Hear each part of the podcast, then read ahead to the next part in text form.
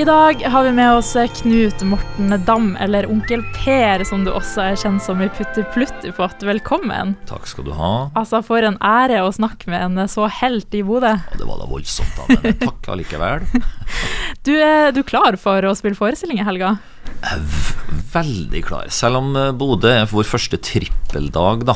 Vi spiller jo tre forestillinger i løpet av dagen, og det er for en aldrende kar, så jeg tar det litt på, men vi gleder oss veldig. Mm. Hvor lenge har du holdt på nå i Onkel Per-rollen?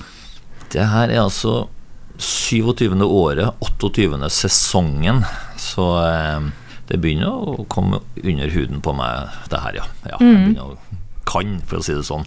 Ja.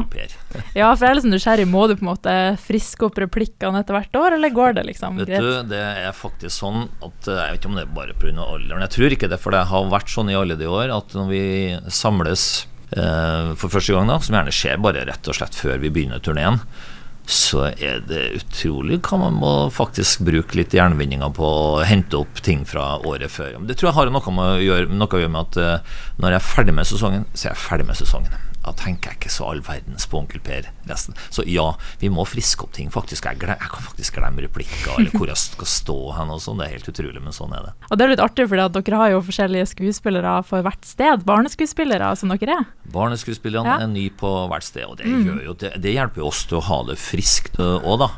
Og så er vi en fantastisk fin, fast gjeng av voksne skuespillere som reiser rundt. da så, Men det å ha med de lokale ungene er helt utrolig fint. De er jo så flinke. Kjempeflinke. Og så er det jo når det er nye unger hvert år, skjer det av og til noe rart, eller har det skjedd noe feil, eller? Ja, men det skjer. Det skjer. Men Ja. nå skal det sies at det ikke det er ikke 100% nye unger hvert år, fordi det er gjerne en stamme fra året før som er med, og, det, det, og det, det er nok det som er med på å gjøre at det er mulig å gjøre det sånn.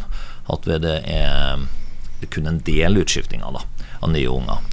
Men eh, det er klart, morsomme ting kan skje, ja. Litt sånne replikker som blir borte. Jeg har hviska litt i øret. Jeg har vært i Tromsø nå, da måtte jeg hviske litt i øret. Ja.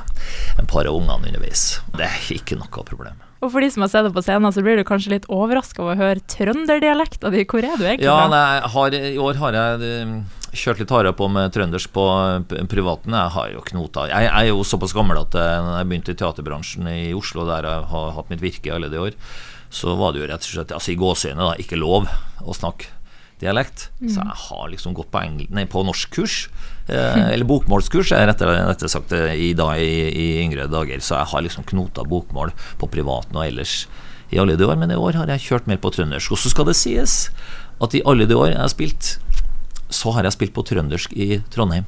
Ja, OK. Og Artig. det er slitsomt, fordi jeg har øvd inn manuset, er på bokmål. Jeg kan det inn i sjela på bokmål, så jeg simultanoversetter når jeg står på scenen i Trondheim. Og det er ganske slitsomt. Men vi har snakka om at kanskje til neste år så kjører jeg på trøndersk i Nord-Norge. For trøndersken er jo tross alt nærmere nordnorsk enn hva bokmål er nordnorsk. Så vi får se. Hvis du kommer og ser på til neste år, så får du det kanskje på trøndersk. Det er en liten overraskelse der om eh, hva som kommer Ja, ut. nå er det ikke en overraskelse lenger når du sier det på radioen. Stemmer, stemmer. Og så er jeg litt nysgjerrig på det her universet alt av Per Asplin. Du hadde jo litt spesielt møte. Han spurte deg jo personlig om å ta over Onkel Per. Ja, jeg var da for Altså i den tida hvor han, var, han ble jo sjuk, um, og det var snakk om at de måtte skaffe inn en for å alternere med han når han har hatt dårlige dager i forbindelse med sykdommen. Og jeg var med på en, en kjent musikal som het A Chorus Line for den tida på Chateau Neuf i Oslo. Og da kom de og så på, og så fikk jeg en forespørsel.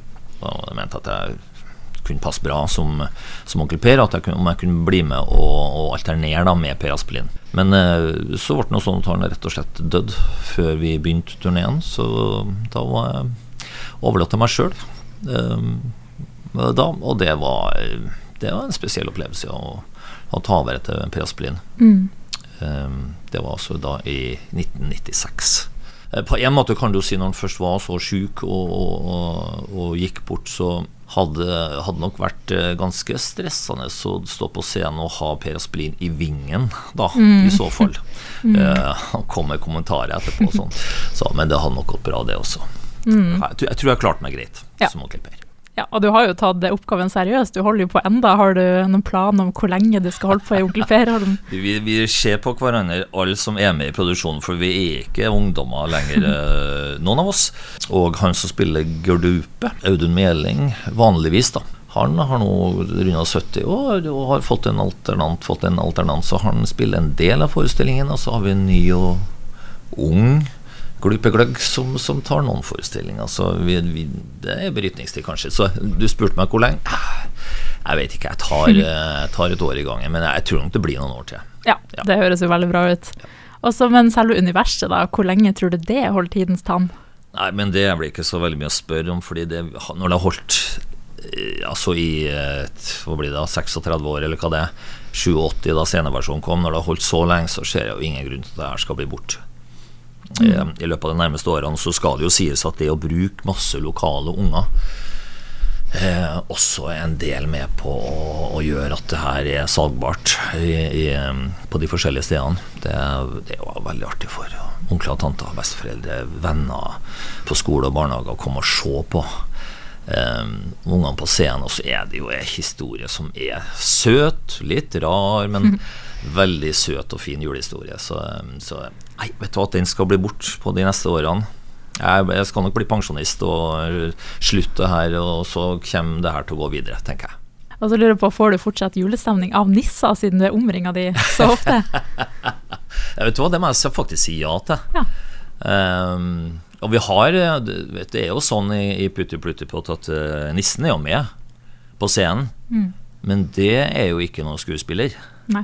Det står også i programmet 'Julenissen spilles av julenissen'. Så vi har jo julenissen med oss. Og nei, nei men, eh, men, vi har mange nisser, men julestemning får vi får likevel, altså. Ja, absolutt. Og så lurer jeg helt til slutt, da, hvorfor skal folk ta turen og se på dere i morgen? Ja, Det er jo ikke noe å lure på. Det er fordi at det er jeg syns det er en vanvittig søt og fin forestilling. Og så må man ikke glemme noe som er det for, for min del det er noe av det aller viktigste, er musikken. Det, jeg syns det er så bra og fin musikk.